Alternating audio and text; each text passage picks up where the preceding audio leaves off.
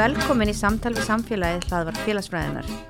Hjá mér í dag er Margrét Valdimarsdóttir en hún laug nýlega doktorsprófi í afbrótafræði frá City University of New York en doktorsritgerðir hennar bar heitið Examining the Contextual Effects of Racial Profiling and the Long-Term Consequences of Punitive Interventions Testing Labeling Theory with the Adhealth Data. Margrét er með B.A. og M.A. gráði félagsfræði frá Háskóla Íslands og hún tók síðan viðbótardiplóm í afbrútafræði við sama skóla en það er hægt innan félagsfræðinar. Leiðin lág síðan til New York þar sem hún bjóði nokkur ár en kom svo aftur hinga til lands og vann sem aðjungt í félagsfræði við Háskóla Íslands og verkefnastjóru og félagsvístastofnun. Hún hóf síðan störf sem lektor og hug og félagsvístasviði Háskólans og Akureyri árið 2019. Velkomin Margrét og sérstaklega til hamingi með doktorskráðun og vera komin í hópin hér hjá okkur í, já þó sé afbrótafræði þá teljum við nú samt í grunninn félagsfræðing. Já, við það ekki alveg? Kærar þakkir, ég er félagsfræðingur. Já, nákvæmlega. Í grunninn. Í grunninn. Og í hjarta. Já, og auðvitað eru tengsla afbrótafræðinar og félagsfræðinar mjög stert. Og svona kannski þegar við byrjum þá höfum við nú þekst lengi en mér er nú sérstaklega gaman að þú afritaði viðtölinn mín fyrir doktorsritgerðina það voru komin ansi mörg ár, ég ætlaði að fara að skrifa niður hvað það voru mörg og svo hugsaði ég bara það er best fyrir alla að gera já, það bara ekki já, já. en það væri svolítið gaman að heyra frá þér hvernig áhugin á félagsfræðinni byrjaði og kannski sérstaklega þessi áhugi á afbrótum Já, akkurat, en áður ég segi það þá vil ég segja að því að þú varst að nefna við þekst lengi að þín er einmitt minnst í þakkarorðunum mínum á doktorsritgerðinni. Og, og þá sérstaklega tekið fram sko, þá er ég, þá er ég ekki bara að þakka fólki sem hérna stutti mig eða aðstóða einhvern hátt á meðan ég var í doktorsnámi heldur líka kvartni mig til þess að fara í doktorsnám og hjálpaði mér í ferlinu að sækja um sem þú veist að er hérna bara frekar svona strempið Það er mjög strempið og sérstaklega til bandaríkjana það er já. rosalegt ferli. Já. En það tókst. Já, heyrðu, það er bara gaman að heyra það og ég ætla nú að kíkja á rítgerðina í tækifæri og hlaka til að læra mér um hana hér í dag. Já, Já, sem sagt, uh, einmitt, uh, ég byrjaði félagsfræðinni við Háskóla Íslands 2001 og, og sko af hverju valdi ég félagsfræði? Ég valdi félagsfræði vegna þess að hérna, já mér hafði þótt félagsfræði mjög skemmtileg námskrein í framhaldsskóla en svo líka hafði ég verið að starfa í fjölmilum í nokkuð langa tíma og mér fannst fjölmilafræðin svolítið spennandi og fjölmilafræði eru auðvitað undir grein félagsfræðinar. Já. Þannig að þegar ég byrjaði í félagsfræði þá hafði ég, eða sko stefnan lásóldið þangað í fjölmjölafræðina. En svo eftir bara mjög fljóðlega á fyrsta árinu þá breyttist þessi áhugi yfir í einmitt svona að, að fá áhuga á fráviksæðun og frá áhuga á afbrótafræðinni sem er aftur undirgrein félagsfræðinar. Og ég held að það hafi bara verið að já, skemmtilegi kennarar sem voru þá að kenna þau námskeið og, og spennandi rannsóknir á þeim tíma uh, í því, sagt, í afbrótafræðin innan félagsfræðinar og, og síðan þá, bara síðan neymitt á fyrsta ári í, í hérna, bíanáminu mín í félagsfræði hef ég haft mikinn áhuga á þessu frávikshæðun og, og hérna afbrótum. Mm. Og frávikshæðun er auðvitað eitthvað sem að allir félagsfræðingar skilja og vita já, hvað þú átt við menn kannski myndur segja okkur aðeins hvað, hvað eigum við við þegar við tölum um frávikshægðun og kannski hvernig lítur félagsfræðin á hana öðruvísi heldur en ég segjum kannski einhverjir sérfræðingar við getum hugsað já, um það sálfræðingar, veist, sálfræðingar eða, eða bara önnur önnur svið. Hvernig... Já, já, einmitt. Eh, frávikshægðun eru þetta bara öll hægðun sem er ekki takt við svona ríkjandi eh, gildi um eðlilega hægðun og, og hérna og einmitt að því hún nefnir hvernig líta aðra fræðigreinar á frávíksæðun að þá er sko uh, þá er svona almennt verið að skoða af hverju og þá erum við ekki bara að tala um afbrott að því að það er mar, mar, margar tegundir af haugðun sem er í raun og veru við teljum skrítna sem við teljum hérna sem er frábriðun svona venjulegum hefðum um, en er ekki endilega sagt, ólögleg þannig að við höfum áhuga líka af hverju og aðra fræðigreina spyrja af hverju er einn einstaklingur líklar en annar til þess að, að hérna, já, gera eitthvað sem okkur hinnum þykir skrítið. Og sko félagsfræðingar eða félagsfræðin og þar að leiðandi afbrótafræði líka spyr líka þessara spurningar og vil skoða það en stoppar ekki bara þar heldur uh, gengur lengra og vil skoða þetta sko býtu af hverju finnst okkur þessi hegðun skrítin?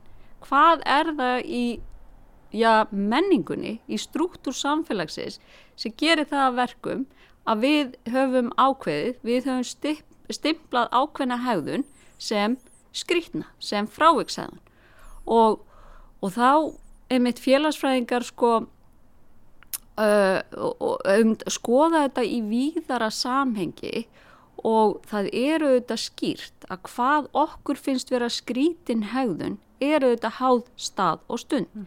Það er allt annað í dag sem okkur finnst vera frávikshæðun eða skrítin hegðun heldur en fyrir 50 árum. Þetta breytist mm. og þetta er líka breytilegt eftir í, í hvaða samfélagi þú elst upp. Mm -hmm. Þannig að við erum að skoða, ok, er ekki, þetta er ekki eitthvað sem er hérna skrifað í stein. Þetta er ekki eitthvað sem við fæðumst ekki bara með hugmyndur um hvað er skrítið. Við lærum það, samfélagi kennir okkur það mótur okkur í að finnast ákveðin hegðun skrítin og þá skoða félagsfræðingar hvernig á það sé stað og af hverju hefur, við, hefur einhver hagaði að, að einhver hegðun, tegund af hegðun sé hérna talin óviðandi til mm. Já, ég held að það kom inn í einmitt eitt svona kannski grundvallar hugtökum félagsfræðinar að við erum líka alltaf að spá í valdi. Hver hefur vald til að skilgreina eins og segir hver hagnast hugsanlagði og um, Eitt sem að til dæmis kemur í hug varðandi þetta og svona einan afbrótafræðinar uh, og að þú hefði þetta vast í bandaríkjónum með til dæmis hvernig við lítum á mismunandi eitulif og mm -hmm. viðulegin sérstaklega við þau mm -hmm. og þá mhm. hef ég til dæmis, þú veist kannski hugsa um til dæmis mjög ná krakk og kókaini og þarna, þú veist hvað ég er að tala um. Já, já, já, þannig myndir kannski segja okkur eins frá því? Já og það eru auðvitað bara hérna gott dæmi, þetta er sko krakk og kókain er í grunninn sama efnið. Og, og hérna en, en það hefur auðvitað verið þannig að krakk er margfalt ódýrara fyrir fólk að kaupa á gödunni og, og það er, það er hérna, það er óhreitna og það, því, það er neitt öðruvísi. Og það sem er auðvitað er þetta verður til þess að hópar, eða ólíkir hópar neyta kraks og kókæns og, og hérna og það, það fyrir verð með heilsuna að því að það er krakk fyrir verð með heilsuna heldur en kókain að því að það er óhreitna en í grunninn er þetta að gera sama hlutin og það var þannig að til þess að hljóta sömu refsíku í bandarækjunum þá þurfturu hundra sinu meira magn af kókaini heldur en af krakki og hvaða afleðingar hefur þetta? Þetta hefur þær afleðingar auðvitað að hópurinn sem eru fátækir fyrst og fremst svartir einstaklingar í bandaríkjónum hafa fengið miklu lengri dóma og miklu líkleri til að hljóta dóma fyrir sína neyslu heldur að þeir sem neyta kókans sem eru þeir sem eiga peninga og eru svona fyrst og fremst kvítir velefnaðir einstaklingar í bandaríkjónum.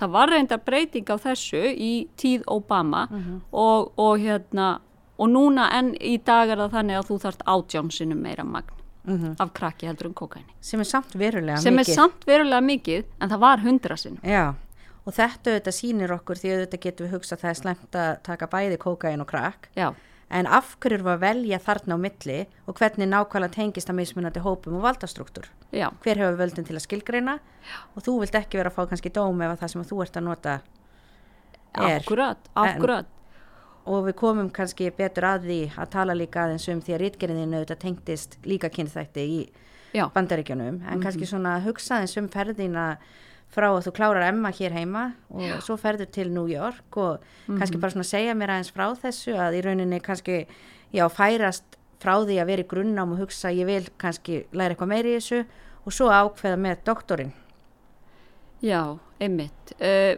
Já, þess að ég bara fekk mikinn stuðning og, og mikla kvartningu frá kennurum og prófessorum í félagsfræði við Háskóla Íslands til þess að einmitt að, að hérna að því að hérna ég hafði áhuga á náminu að, að hérna að fara í áframhaldandi nám og, og bandaríkin urðu fyrir valinu hjá mér fyrir nokkrar ástæður fyrir því og ég þarna komst inn í CUNY eða City University of New York sem er með prógrami í, í afbrótafræði sem er bara meðal þeirra bestu í heiminum og fer þarna út hausti 2011 og, og er þá á sagt, fullum skólastyrk og sem því það að ég er á launum á meðan ég er úti og, og hérna og þetta er lítill árgangur eða svona lítill í samanbyrði kannski við hérna svona starri deildir. Við erum 11 sem byrjum og 8 sem klárum og, og hérna og þetta var sko ég er kannski með, ég er aðeins eldri þegar ég fer í háskólanám og er þarna aðeins eldri heldur en nefnundur sem er í mínum árgangi á þessum tíma. Og sko og fyrir mig var þetta draumur.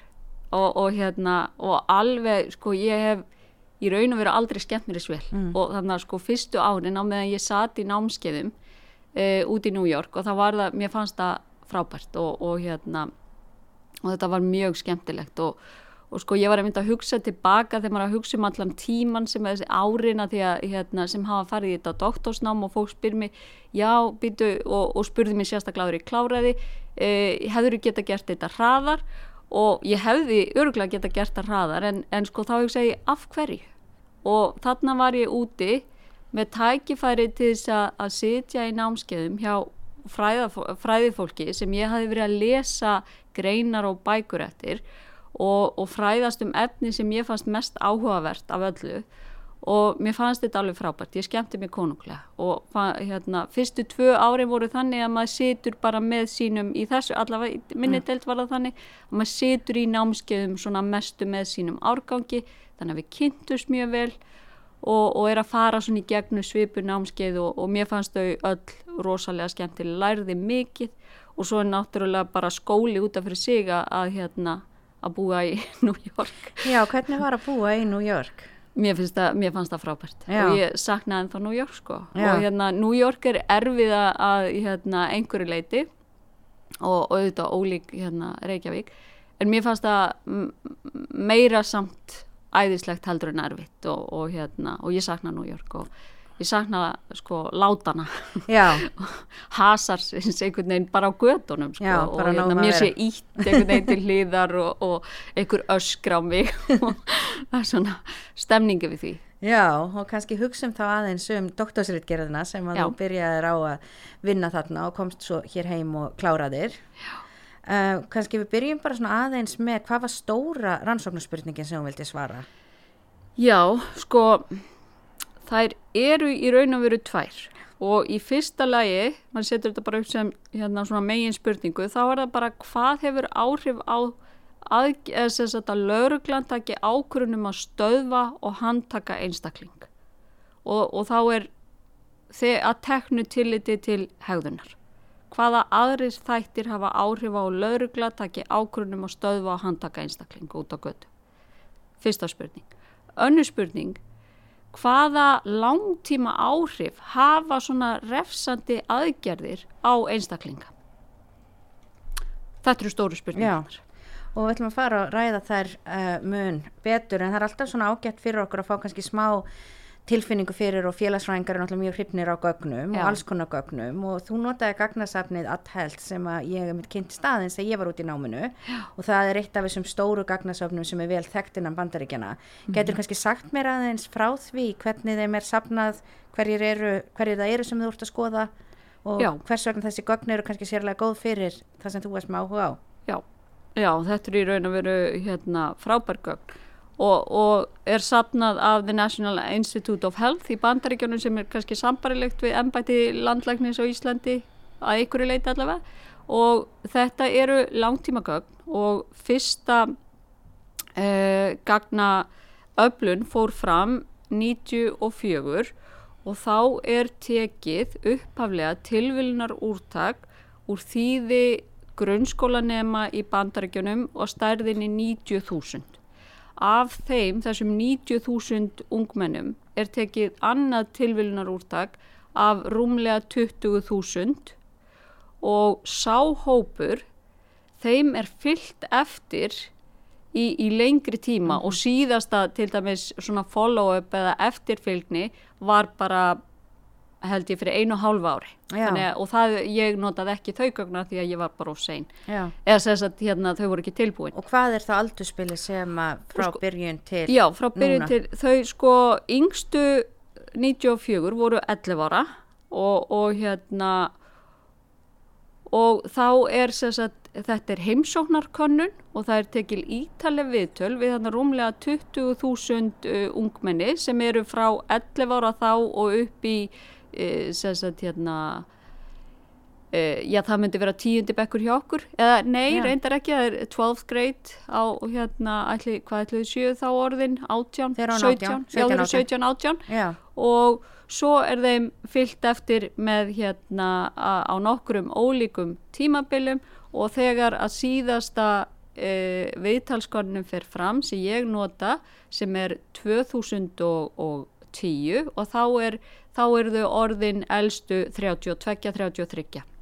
Já, þannig að þetta eru mjög góð gang til Já. að sjá sagt, hvað þú ert að gera langtíma áhrifin og þú myndist á að þetta væri þá tekinn tilvilinúrtök á tveimur tímum um, og ég held að stundum svona gleimist það svolítið í umræðinu þegar við erum að tala um töluleg gögn og spurningakannanir og slíkt að úrtakið og hvernig við náum gögnin skiptir alveg grundvallamáli.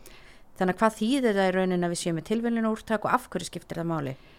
Þetta í raun og veru að nota tilvilnar úrtak er eina leiðin og tilvilnar úrtak er bara uh, í grunninn að hver einstaklingur í þýðinu og í þessu tilfelli var þýðið bara ungmenni í bandaríkjónum, öllum bandaríkjónum. Uh, í grunninn er það bara að allir eiga jafna möguleika á að lenda í úrtakinu. Það er algjörlega random, algjörlega háð tilviljum hver lendur í úrtakinu. Að sapna eða sagt, að, að hérna, búa til úrtaki með þessum hætti eða draga með þessum hætti er í raun að veru eina leiðin til þess að tryggja það að niðurstöðna sem við fáum að við getum nota þær til þess að álíkta yfir á þýðið. Að því að uh, hópurinn sem við erum með hann er sagt, hérna, einkennandi fyrir öll ungmenni að því að við erum að fá þverskurð í raun og veru af ungmennum í bandaríkjum. Já, þannig að þeir eru ekki að velja kannski og sem myndur kannski halda sumir hafa bara meira áhuga að taka þátt Nei. og þeir myndur þá velja sinni heldur eru við að ná til allra og kannski sérstaklega mikilvægt að reyna að ná til þeirra sem eru síður líklegri til að taka þátt. Já, alveg hrein. Og það eru svona tvö áhugaverð hugtök sem koma fyrir í heiti rítgerðarinnar og racial profiling, ég var að reyna að vera með þýðingu á því, ég veit ekki hvort að Þarna, en í rauninni þýðir það að einhver vekur aðtekli lauruglunar bara út frá því að, til, að tilheyri ákveðinu kynþátt Já, og það kannski kemur svona svolítið inn á sem sagt, það sem þú ert að tala um aðna, sem fyrir rannsóknarspurninguna um áhrif á að stöðva einhvern mm -hmm. og það hafa rannsóknir sínt í bandaríkjunum mm -hmm. að það er ekki tilviljunum háð hverju stöðvar og það hefur verið talað um sérstaklega í New York til dæmis þess að stop and frisk policy Já.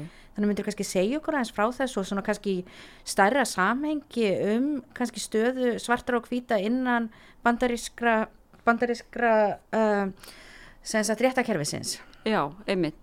Uh, Já, náttúrulega hérna fangilsistín í bandaríkjónum er svo eins og hæðsta í heiminum og, og og hlutfall svartra í amerísku fangilsum er miklu hærra heldur og hlutfallera í þýðinu sagt, meðal bandaríska landsmanna. Og, og þá er það sagt, ég minna þetta með eins og racial profiling og einmitt ég hef aldrei mér, ég, ég, ég, hef aldrei heyrt gott íslenskt hugtak yfir þetta og, og hérna eða orði yfir þetta. Eh, er einmitt eitthvað sem hefur verið talað um í langa tíma og fólk svona veit að, jú, auðvita að, að það er einhvers konar hérna profiling í gangi og, e, og, og hérna og meiri rannsóknir hafa sínta að hérna að svartir fá að jafna því fyrir samskonar afbrót lengri. Dóma eru líklegri til þess að vera sakveldir og við vitum að það er mismunun í kjærfinu það, ég hefði ekki þurft að skoða það, við vitum það. Hvað var ég þá að skoða? Þá er ég að skoða að því að e, þrátt fyrir að við vitum þetta að þá er alltaf þessi spurning, ok, nú erum við búin að menta og fræða lauruglu þjóna Við erum búin að gera alls konar, eða sérst við, bandaríkja menn, erum búin að gera alls konar breytingar í réttarkerfinu sem á að draga úr þessari mismunum.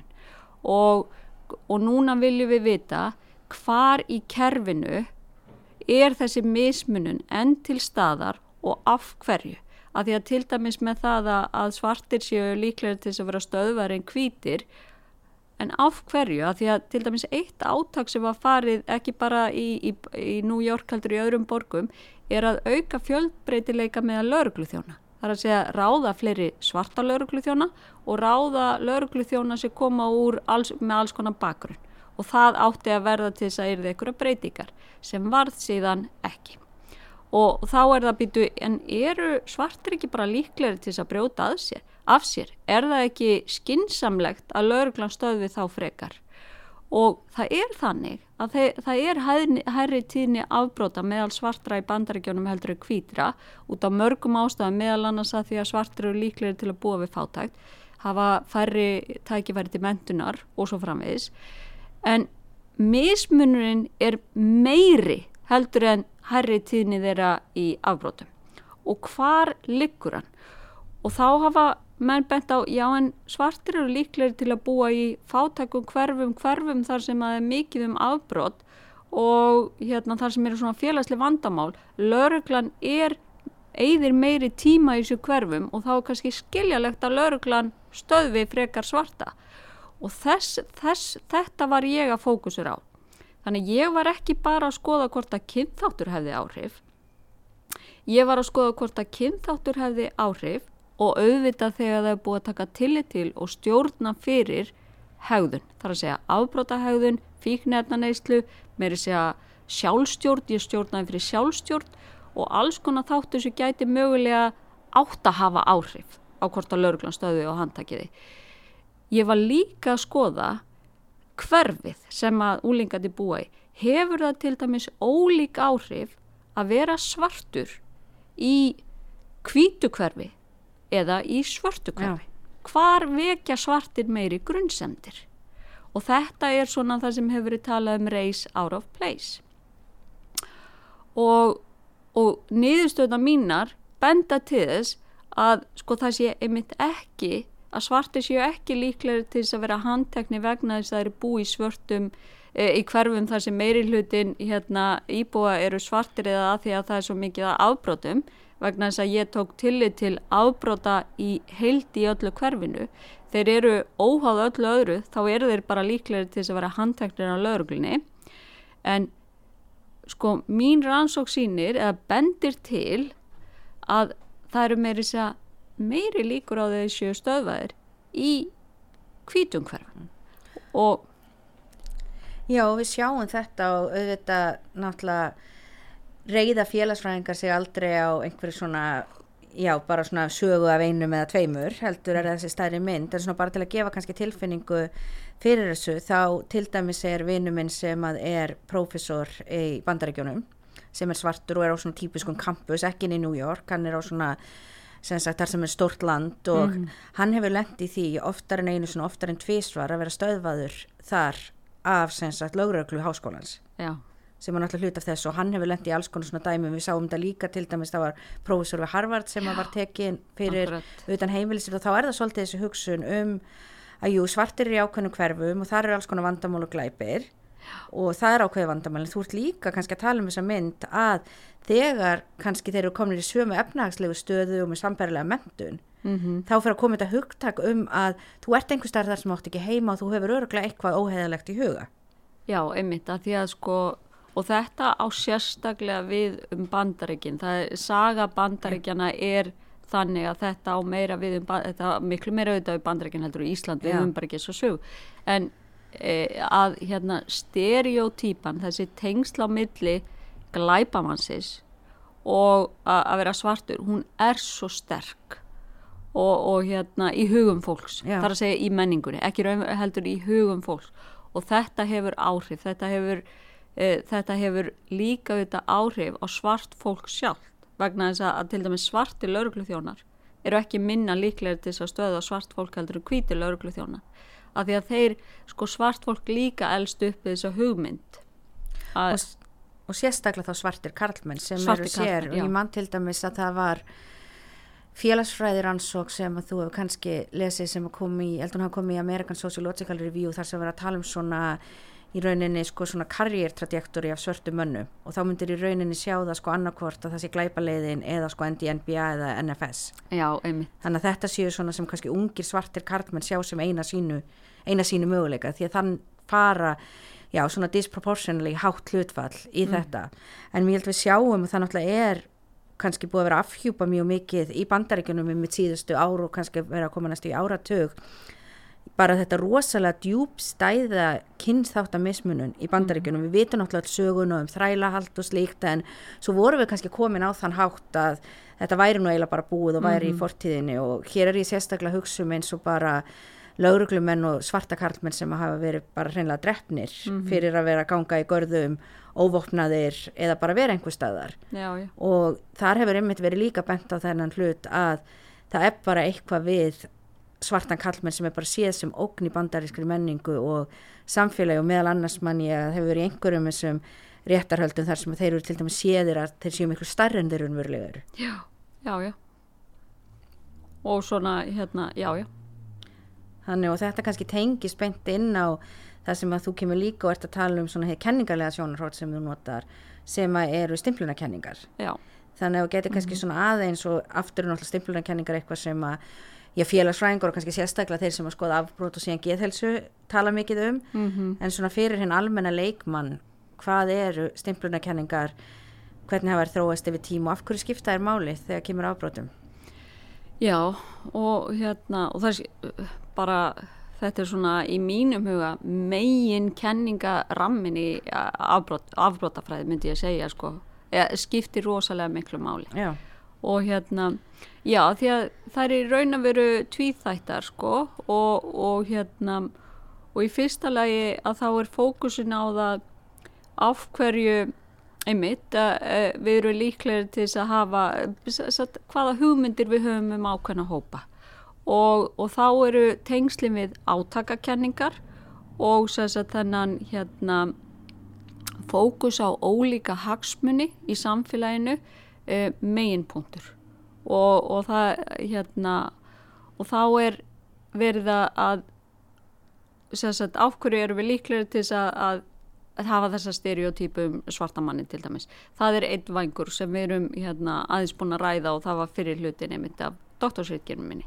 Setni er að hvaða áhrif hefur þetta bæði á einstaklingana sjálfa og á aðra í kringum einstaklingana. Hvernig, hvaða áhrif hefur þetta á lífslaupi? Hvernig, sko, þá eins og einstaklingana sjálfa hvaða áhrif hefur þetta á sjálfsmyndina og hvaða áhrif hafa, hefur þá sjálfsmyndin á hvaða væntingar við gerum til, um, hérna, til dæmis atvinnum möguleika í framtíðinni og, og hvaða áhrif hefur þetta á tengsl við annað fólk, hvernig vini við eigum, hvaða, hvernig vini e, okkur finnst við eiga skilið til dæmis að eiga og hvernig vini við þórum að, að reyna að eignast og hvernig, hérna, og hvernig fólk vil umgangast okkur.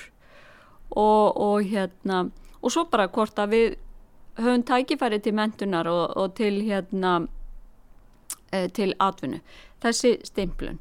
Og þetta er sérsagt setni hlutin af rannsóknin minni sem er að skoða langtíma áhrif af einhvers konar refsandi, eða ekki einhvers konar, ég skoðaði tvær típur af refsandi aðgerðum á úlingsárunum.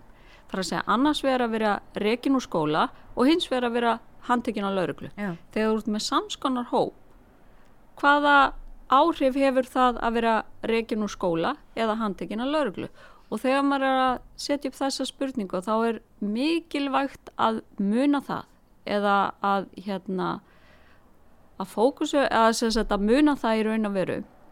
Að ef maður hugsa um úlinga að flest okkar brjóta einhverja reglur á úlingsárunum flest okkar gera eitthvað sem við vitum að við megum ekki gera. Já, og mörg okkar meiri sig að brjóta lögin, drekka áður við höfum aldur til og svo framvegis.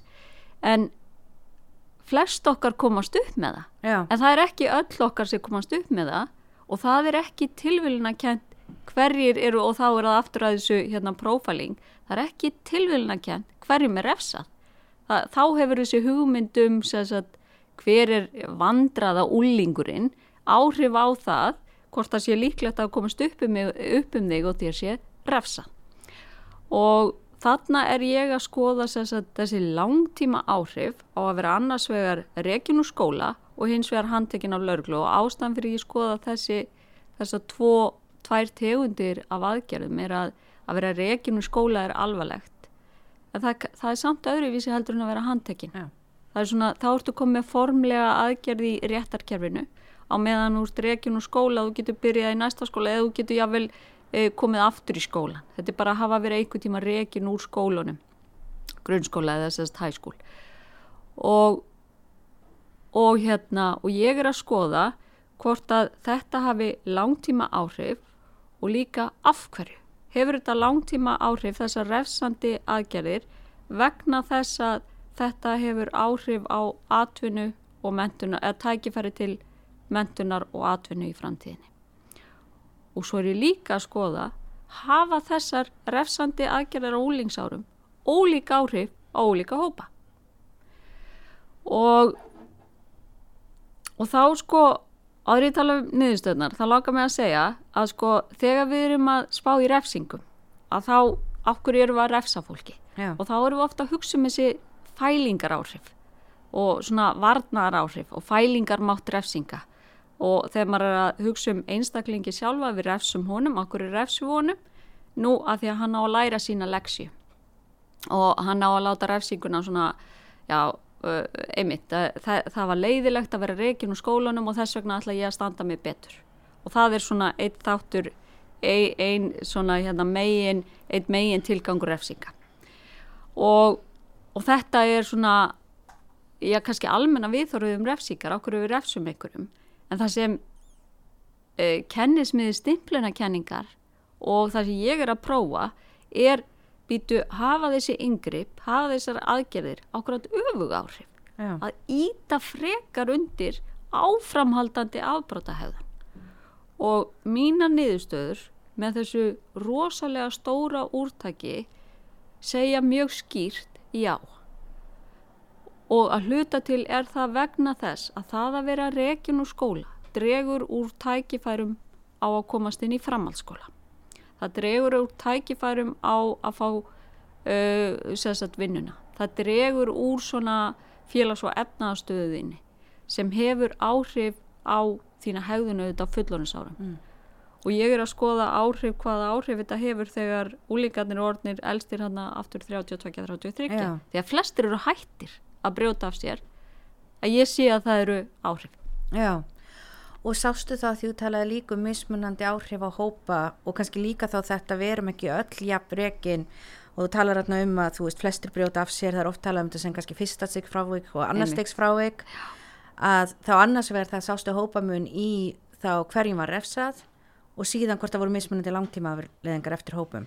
Já, sko, sko fyrri í, í þessum hluta af rannsókninni þá stjórnaði ég fyrir því hvort að það væri sérsagt mismunandi hegðun áður en þeim væri refsað. Já, og, og hérna þannig að ég gætt til dæmis sagt til um það, ég var að skoða þannig samskonar einstaklinga. Og svo skoðaði ég mitt þessa áhrif, hvort áhrifin væri mismunandi og mismunandi hópa. Og, og þá er ég að fókusera á sagt, kynþátt aftur hvort að refsingar, svona refsingar úlingsárum hafi e, meiri eða minni áhrif á svartaldur en hvita á, og svo skoða ég fleiri hérna kynþætti sem ég gerði líka í fyrir hlutunum eins og asísk ungmenni og, og ungmenni með rómanskan uppruna eða frá Suður Ameríku já og svo skoða ég í þessum hluta sko, e, fókusir ég líka á kyn. Já, og það hefur eiginlega ekkert verið gert í, í þessum fræðaheimi að minnstakosti mm. og það fannst mér sérstaklega spennandi. Já, og niðurstöðna mína síndu að þegar það kemur að handtökum að þá eru áhrifin sagt, þau íta alltaf undir frekari ábráta og þau hafa jætt slæm áhrif á alla hópa.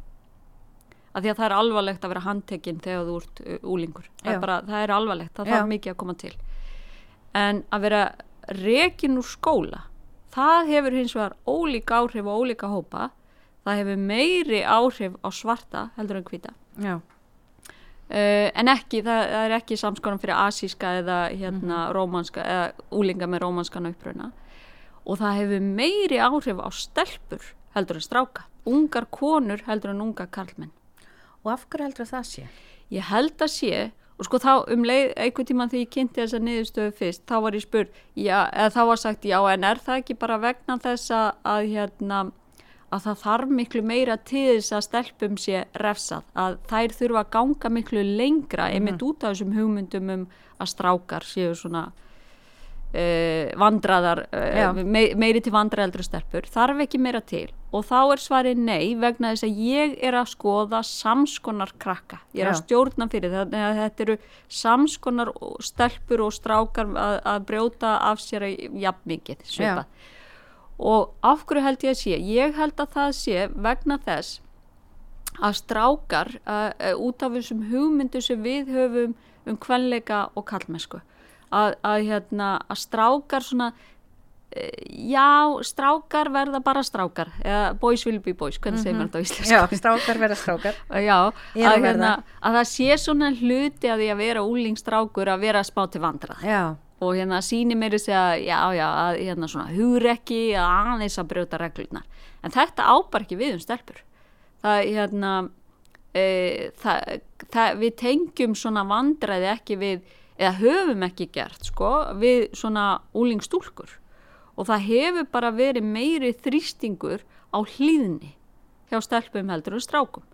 Og, og svo það sem mér finnst svo áhugavert er að ég sé í rannsókninni minni að þetta hefur meiri áhrif á svart, svart ungminni heldur en hvít og meiri áhrif á stúlkur heldur en stráka. Og þá spyr ég mig, býtur nú við hvernig stennst þetta vegna þess að svartir hafa þessa, við höfum þessa stereotypu, mm -hmm. við höfum mhm. þessa hugmyndum að, að svartir séu svolítið vandraða hérna krakkar sko og, og en við höfum alls ekki þá hugmyndu stelpur en ákkur eru áhrifin þá svona mikil bæði fyrir svörtungmenni og fyrir stelpur og þá held ég að það sé mögulega vegna þess að að það hefur verið þannig og kannski meira í bandarækjónum heldur en á Íslandi að kvítir, karlmenn eru eitthvað skonar forréttundahópur og þeim leifist meira.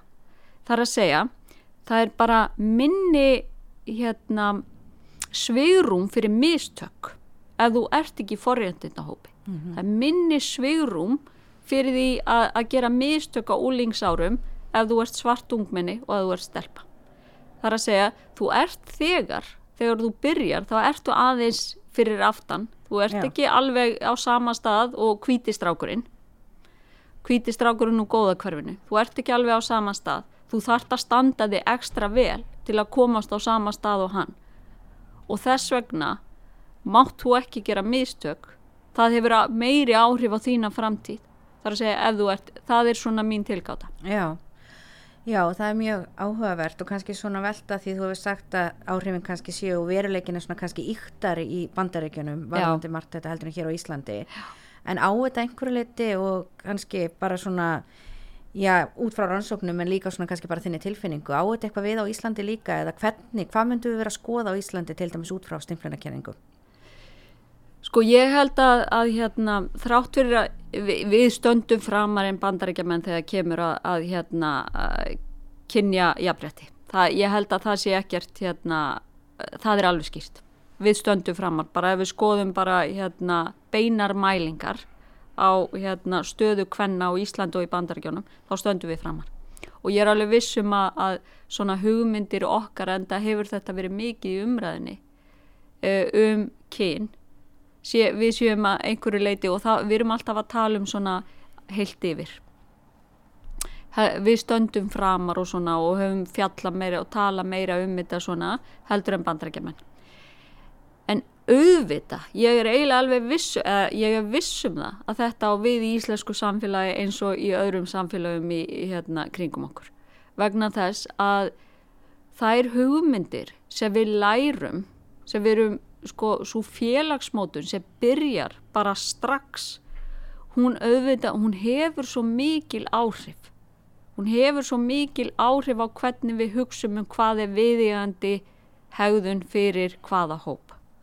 Og þrátt fyrir að, að hérna að það séu skrifa greinar í, í tímaritt og á, á netinu að þá muni þessar hugmyndir ekki bara breytast uh, sem þess að 1, 2 og 3 það þarf að, þetta þarf, við erum ennþá með alls konar hugmyndir um hvaða hegðun hæfir karlmönnum og hvaða hegðun hæfir konum.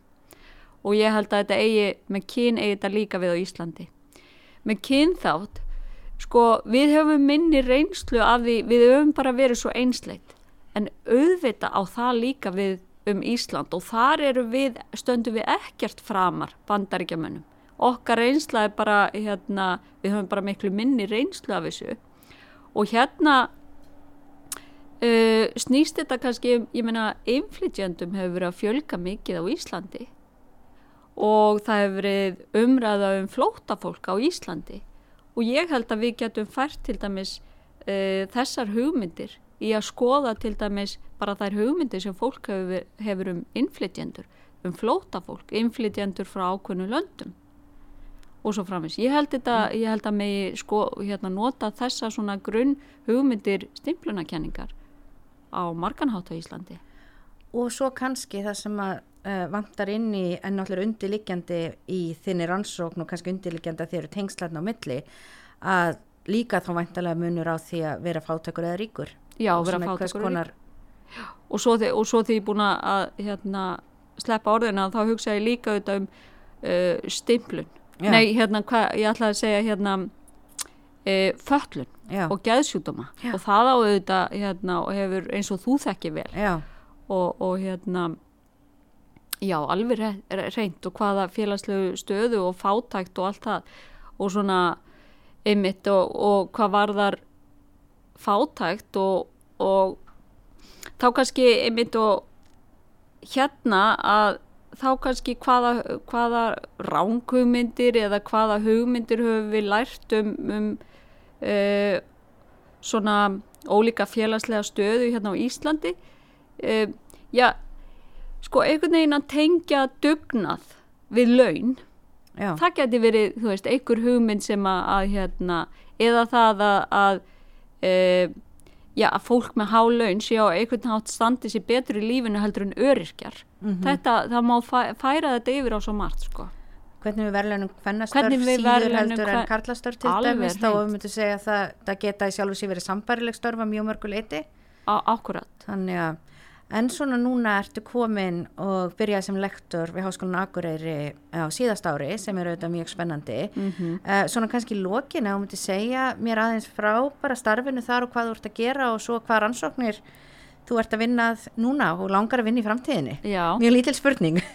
Já, sko, hérna, já, ég er sérst lektor í lauruglufræði við Háskólan Akureyri sem ég veist, þetta er algjörlega mitt áhugasvið. Af því að það sem ég er búin að vera að fara yfir hérna, þetta e, e, gríðalegur áhugi, er líka bara einmitt samskipti lauruglu við borgarana. Já. Af því að, sko, lauruglan er svo mikilvæg stofnun í samfélaginu og hugmyndi fólks um laurugluna, hugmyndi lauruglunar um laurugluna og all, öll þessi samskipti finnst mér alveg rosalega spennandi.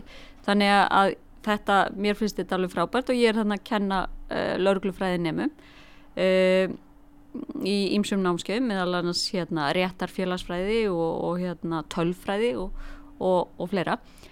Og hvaða rannsóknir er ég að skoða? Það sem ég er svona mesti fókusin minn er á núna er að skoða tilkynningar til lauruglu af því að við vitum það að sko lauruglan fær bara vitnesku um brot af þeim öllum afbrotum sem eru framinn í samfélaginu og þá er ég að skoða býtu er það þannig að það eru ákveðni þættir sem ítandi það að þú tilkynni brot til lauruglu og til dæmis hérna og þetta er auðvitað áhugavert sérstaklega þegar við erum að skoða ofbeldisbrot sem eru ekki alltaf tilkynnt og sérstaklega þegar það eru kynferðisbrot sem eru brotaflokkur sem eru viðkvæmir eða svona viðkvæmur og sem hefur og eru þetta hefur breyst en ennþá einhvers konar þólenda skömmin er meiri í þessum brotaflokki heldur en öðrum.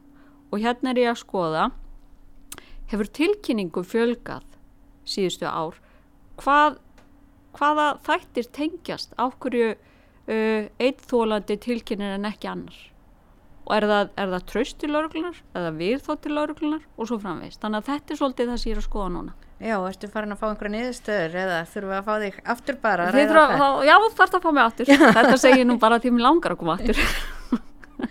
Já, já, en, en hérna ég, já, svona fyrstu niðurstöður af þessu eru þetta að hérna að mjög lítið, lítið hluti af þeim sem meiri sá Íslandi í okkar samfélagi lítið hluti af þeim sem verða fyrir kemfyrirsbrotum tilkynna auðvitað lauruglu. Það eru svona fyrstu nýðustur og ég segi ekki meira að því að... Já, ég er komin með það hér á hljóðu upptöku að þú ætlir að koma aftur. Já. Já. Þannig að við býðum bara spennt en þakk kærlega fyrir að vera með okkur hér í dag og til hafingi aftur með að klára doktorinn. Kæra þakkir. Takk sem leiðis.